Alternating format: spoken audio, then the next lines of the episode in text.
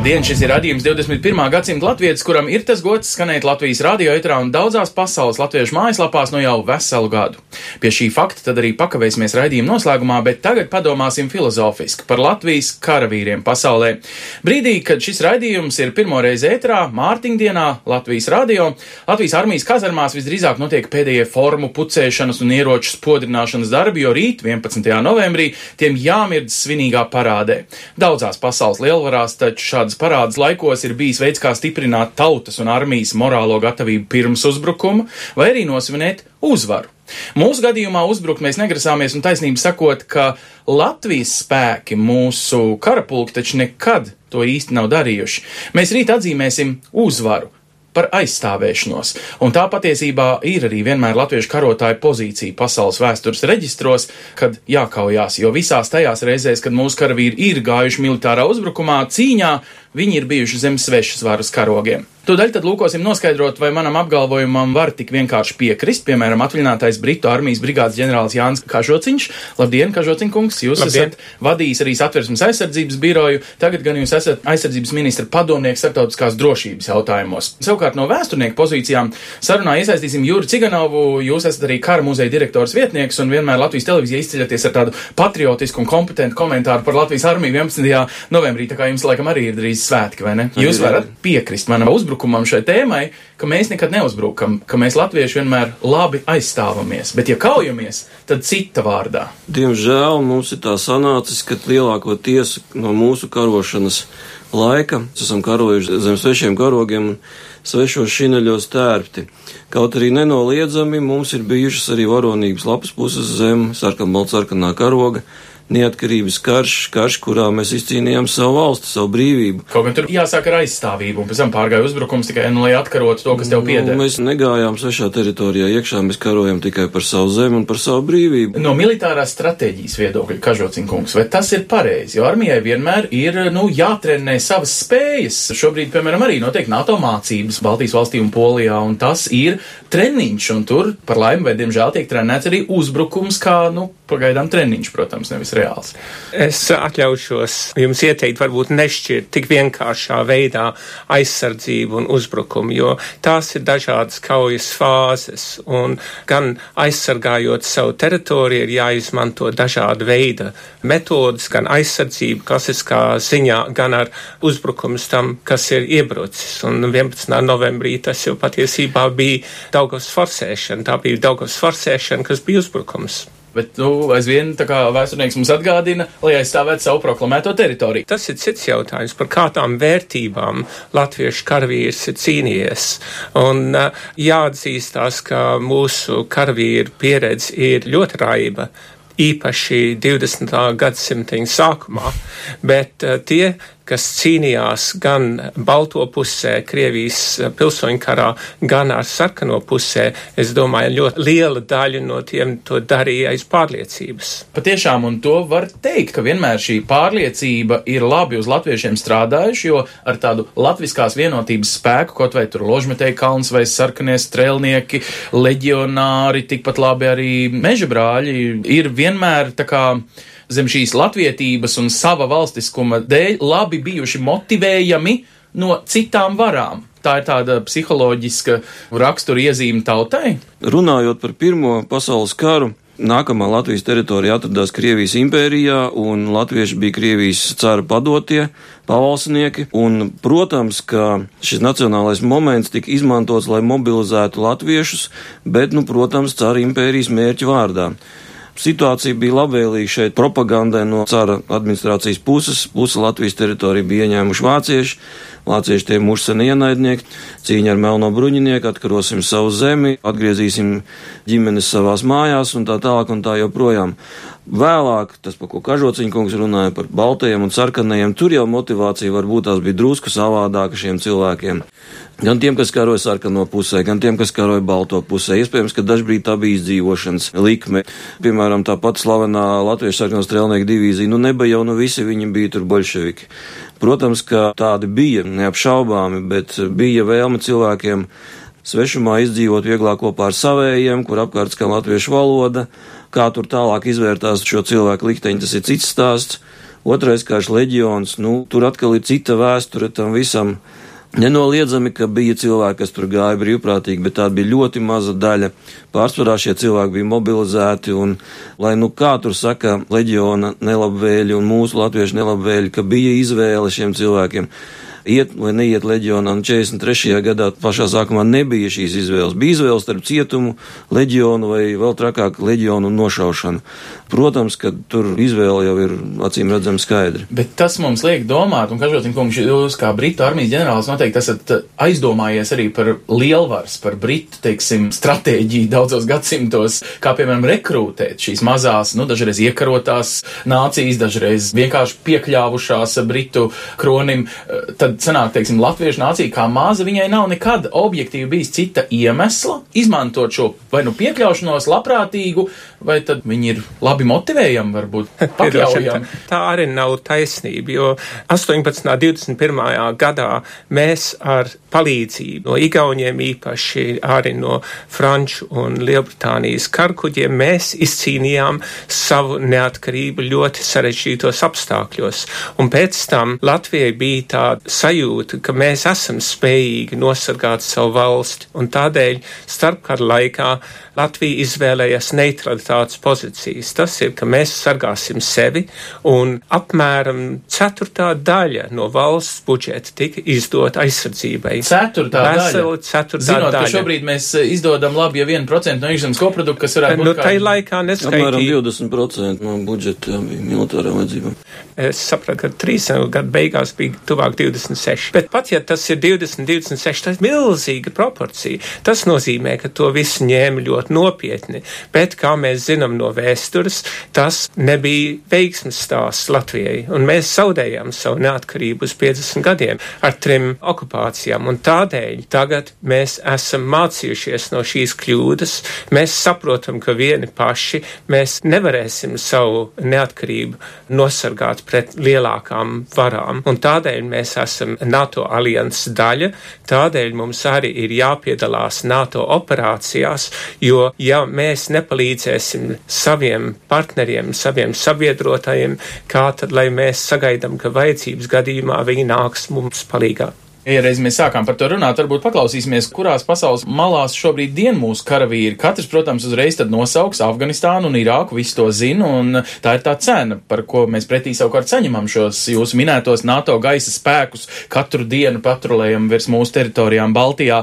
Bet ir jau arī vēl citas mūsu simboliskās klātbūtnes ar vienu vai diviem virsniekiem, kur mēs tvarstam Somālijas pirātus, uzturam mieru Āfrikā. Kāds tam gal galā sakars ar Latvijas aizsardzību? Manai kolēģei Paulai Gulbinskai skaidro Ainārs Ozoliņš, Nacionālo bruņoto spēku štāba priekšnieka vietnieks. Mums ir trīs kategorijas, un tie ir starptautiskā operācijas, kur karavīri atbilstoši saimas mandātam tiek nosūtīti pildīt starptautiskos uzdevumus. Proti, tur, tur, kur mēs tagad atrodamies, tas ir ISAF vai Afganistāna, Mali, tas ir Āfrika un Atlanta, kur ir pretpiratismu notiek operācija. Tad kādi ir labumi no tā? Pirmais, tas ir mūsu pašu pienākums, kas ir iestājoties NATO, ir kolektīvas aizsardzības un kolektīvā dalība starptautiskās operācijās. Tas ir viens no mūsu valsts pienākumiem. Kā otrs, es varētu teikt, tas ir mūsu karavīra profesionāla izaugsme. To, ka viņiem treniņos, klasēs un teorētiskas zināšanas varētu pielietot reālā dzīve un reālā praksē. Tālāk, ja mēs runāsim par startautiskām operācijām. Otra tāda kategorija, kur mums atrodas mūsu karavīra ārvalstis, tas ir startautiskais dienas. Startautiskā dienestam tiek nozīmēti karavīri uz multinacionāliem, daudznacionāliem štābiem pildīt noteiktu darbu noteiktajos amatos. Kāds ir galvenais pienesums? To, ka karavīrs saņem arī savu kvalifikāciju, paaugstināšanu, viņam ir iespēja, ir iespēja padalīties vai iegūt jaunas zināšanas, ar ko padalās arī mūsu kolēģi un mūsu sabiedrotie. Un tad trešais, ja mēs runāsim tā kategorija, tur, kur mūsu karavīri ārvalstīs, apmācība karavīri atrodas apmēram no kaut kādiem īsiem kursiem, kuri var ilgt tikai kādas nedēļas laika, jeb pat ilgāku laiku, tas ir līdz gadam. Bet vai tas ir arī valsts prestiža jautājums? Noteikti, ja mēs runāsim par kategoriju karavīriem, tie, kuri atrodas starptautiskajos štābos un pilda starptautisko dienestu, protams, tie karavīri tomēr tiek atlasīti un viņi ir tie labākie karavīri, kuri ir nominēti šajiem amatiem. Un viņi pilda tieši ne jau valsts uzdevumus, bet viņi pilda NATO uzdevumus vai Eiropas Savienības uzdevumus, lai tiktu, saka, aizpildītas vietas vai uzdevumi, kuri pilda arī citu valstu karavīri. Tur arī parādās mūsu valsts karoks, mūsu prestīžs. Krīzes situācijā, protams, ka viņi visi atgrieztos Latvijā. Drošība mums ir prioritāte. Es pateikšu nē, tāpēc, ka, ja mēs runāsim par starptautiskiem štābiem, krīzes situācija viņi tiks arī aktivizēta un viņi pildīs starptautiskos uzdevumus, kas saistās ar NATO. Mēs esam NATO sastāvdaļa, līdz ar to arī viņam būs krīzes gadījuma konkrēts uzdevums. Protams, ir grūti salīdzināt, jo resursi ir atšķirīgi, bet nu, Latvijas karavīri, Latvijas armija, salīdzinot ar citām valstīm, nu, mēs esam gana prasmīgi. Noteikti, ka mēs esam prasmīgi, jo man bija vairākas reizes iespēja tikties ar ārvalstu kolēģiem un augstu ranga virsniekiem, tie, kuri izteica tikai labākus vārdus par mūsu karavīriem. Varbūt tas ir manas novērojums, kāpēc. Man liekas, tāpēc, ka mūsu karavīrs ir eh, vienmēr bijis apģērbīgs un eh, uz mērķi orientēts karavīrs, kurš gribēja panākt to rezultātu. Tur ir arī ne tikai kaut kāda izstrādāta instrukcija, kuru vajadzēja pilnīgi ievērot, bet tur bija vajadzīgs arī tāds neordinārs domāšana, kur arī deva iespēju tam karavīram parādīt vēl no labākās, vēl no pozitīvākās puses. Un līdz ar to es jums pateikšu, tā kvalitāte mūsu karavīra ir daudz, daudz augstāka. Tā Ainārs Ozoliņš, Nacionālā bruņoto spēku štāba priekšnieks, kurš eh, saka, ka mums ir augstāka kvalitāte, mums jāatgādina, ka mums ir arī profesionāla armija. Varētu teikt, pirmo reizi valsts vēsturē, protams, ir arī pienākuši moderni laiki. Un tomēr atgriežoties pie šīs domas, zem kuriem karogiem karot, kad jūs bijāt Britu armijā augstā amatā, tagad esat atvaļināts, kā Žociņkungs. Jūs taču kādreiz aizdomājāties par to, ka, ja NATO izcelsies kāda krīze ar Padomju Savienību, jums nāksies uzbrukt teritorijai, kura ir faktiski jūsu tēvzeme. Tas būtu baigi sarežģīti. Es domāju, emocionāli, ko jūs darītu. Tajā brīdī plinti krūmos nedrīkst mest, vai ne? Tas ir pavisam komisks jautājums, piedodiet. Jo, kad es iestājos um, Britu armijā, tas bija, kad Lielbritānijas bruņoties spēki bija daļa no NATO alianses, kas bija aizsardzības alianse, lai novērstu to, Rietuma Eiropai, kas jau bija noticis gan manai tēvzemei, Latvijai, mm. gan ar Austrum Eiropai, un tas ir Padomas Savienības impērijas uzbrukums un paplašināšanās. NATO alianse tieši bija veidota, lai aizsargātos no tā, un tādēļ atkal šeit nebija runa par kaut kādu britu imperiālismu, bet mm. drīzāk par to, kā aizsargāt Rietumu Eiropu un varbūt kaut kad nākotnē arī rast iespēju palīdzēt Latvijai un citām valstīm, kas bija zem padomas Savienības impērijas papēža. Varbūt jūs sakat komiski labi, bet tajā brīdī jums kā karavīram ir jāpieņem savs lēmums. Jūs dodaties un paklausat pavēles, bet tas var beigties ar to. Mēs zinām slaveno latviešu, piedodiet, principu frontu tēvu pagalmā. Viens ir bijis sarkanā armijā, viens ir bijis, teiksim, leģionā kādreiz jāšauj vienam uz otru. Šausmīgs nu, gadījums nu, tas, patiesībā. Tas bija ar nodomu darīts, īpaši kurzemes lielkaujās, lai latvieši būtu spiest viens otru kaut nost. Jūs Kas, nekad, nekad neesat bijis šādi izaicinājumi priekšā, vismaz nu, tā emocionālās pārdomās? Nekādā gadījumā, jo te mm. gāja runa par to, ka padomjas savienība kā lielvara kuras bruņotos spēkos, protams, dienēja arī latvieši, bet nu, salīdzinoši mazs skaits, ka ja padomu savienību uzbruks rietumu demokrātijām, tad, lai aizsargātu tos ideālus, par kuriem stāv rietumu demokrātiskās valsts, un tagad stāv ar Eiropas Savienību un NATO, lai tos sargātu, ir jācīnās jāaizstāvās, nevis jau jāiebrūk kaut kur. Vai tas mūs vājina vai mūs stiprina šie izaicinājumi, kad ir šī duālā situācija? Mēs visi esam latvieši, bet dažkārt bijuši dažādās frontes pusēs. Es varu iedomāties, tas pats dualisms noteikti bija jāpārvar arī Latvijas armijai atkal atjaunojoties, kad daži ģenerāļi bija no padomju prakses un daži nāca iekšā ar savām rietumu zināšanām, un abi bija ļoti vajadzīgi, vai ne tā? Tas ir jautājums drīzāk tāds filozofisks. Atjaunojoties Latvijas valstī un uh, veidojot aizsardzības spēkus, vēlākos bruņotos spēkus, protams, tur bija jātur. Mēs zinām, ka tur bija dažādi cilvēki. Tas ir, es domāju, no dažādām militārās domāšanas valstīm nākuši. Nebija mm. padomu virsnieki, kuri bija jūtami atšķirīgi nekā rietumos augušie un skolojušies virsnieki, jo tā taktiskā un psiholoģiskā sagatavotība laikam bija drusku atšķirīga un uh, bieži vien to savienot bija ļoti grūti. Tas ir tas pats, kas bija Latvijas armijas pirmsākumos 19. gadā, 20. gadā.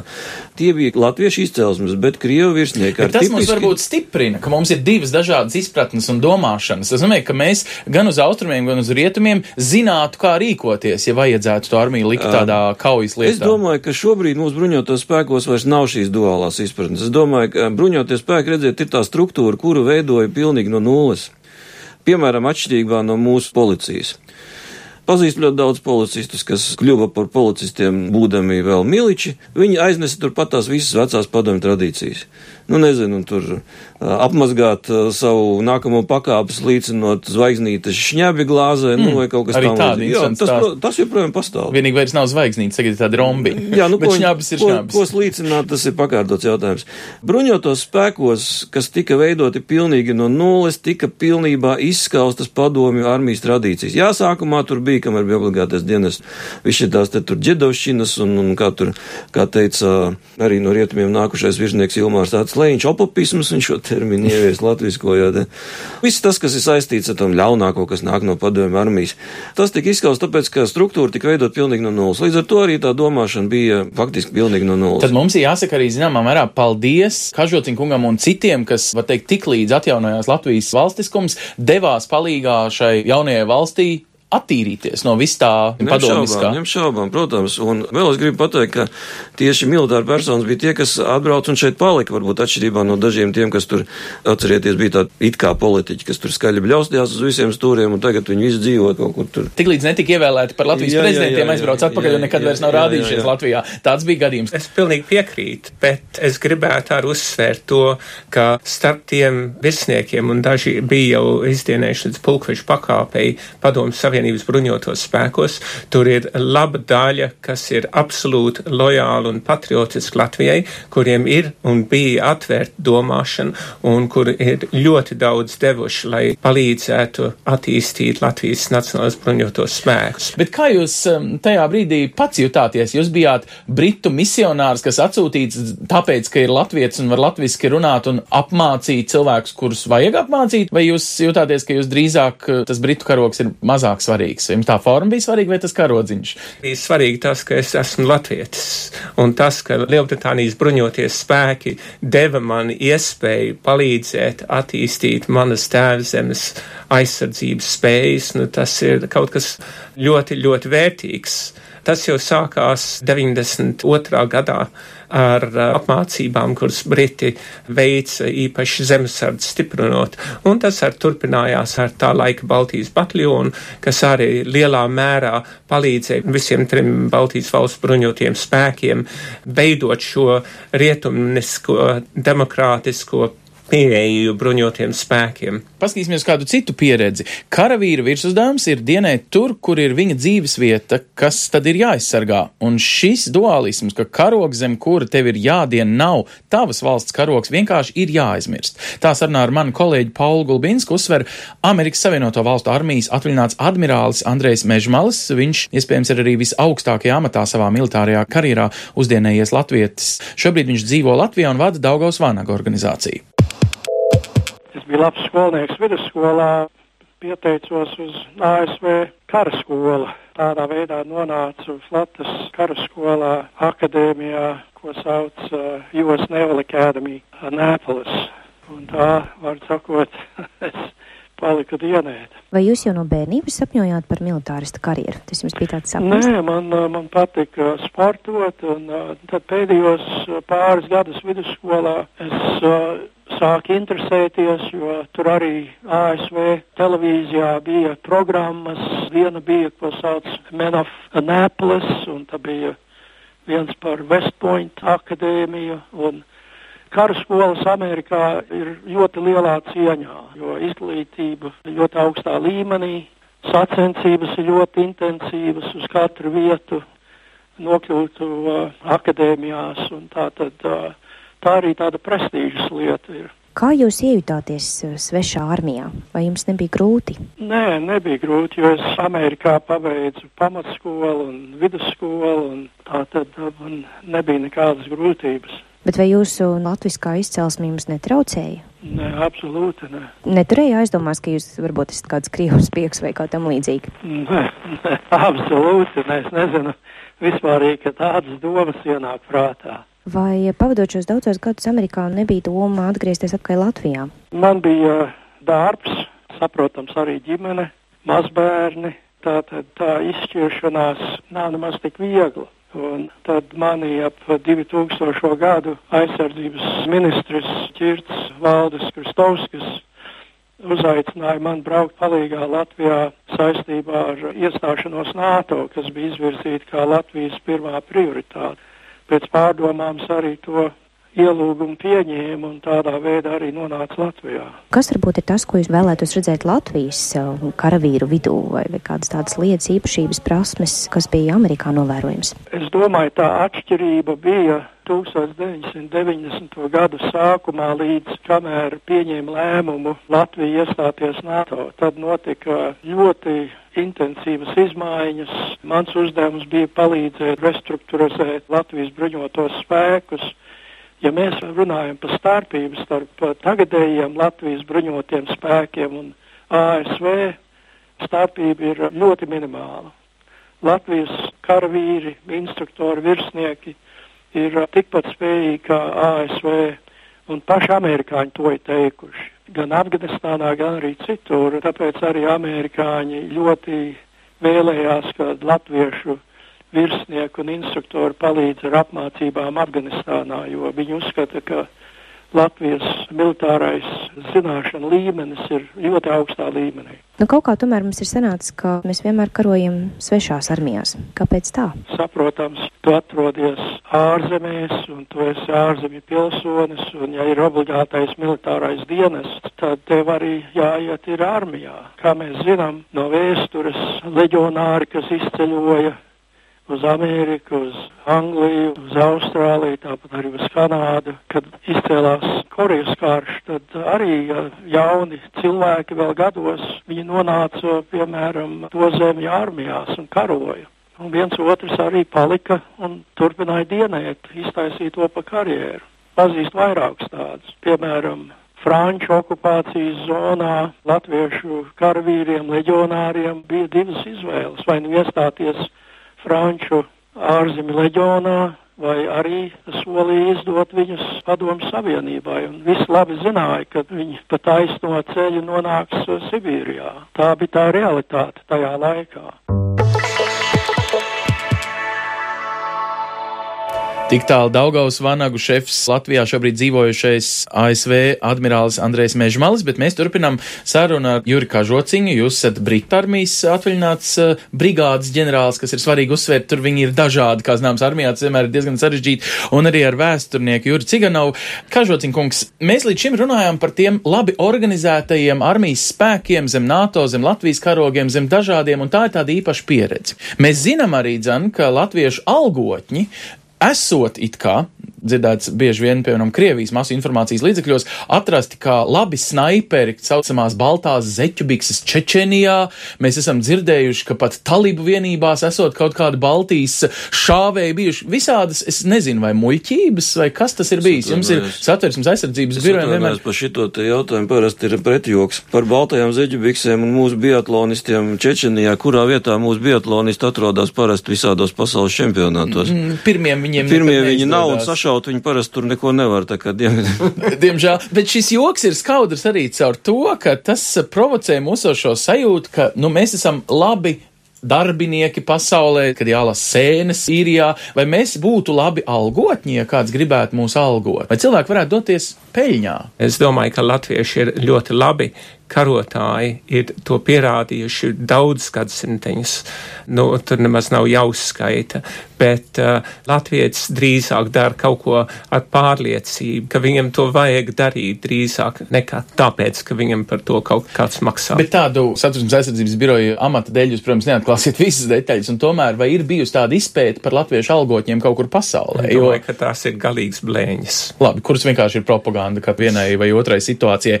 Es uh, tomēr gribu iebilst pret vārdu algotņi. Jā, mums ir bijuši ļoti veiksmīgi virsnieki cararmijā, labi pazīstami tā kā Kalpaks, taču tur iemācījās to, ko viņš vēlāk lika lietā Latvijas valsts interesēs, ģenerālis Gopers, ģenerālis Bangersks un daudz citi.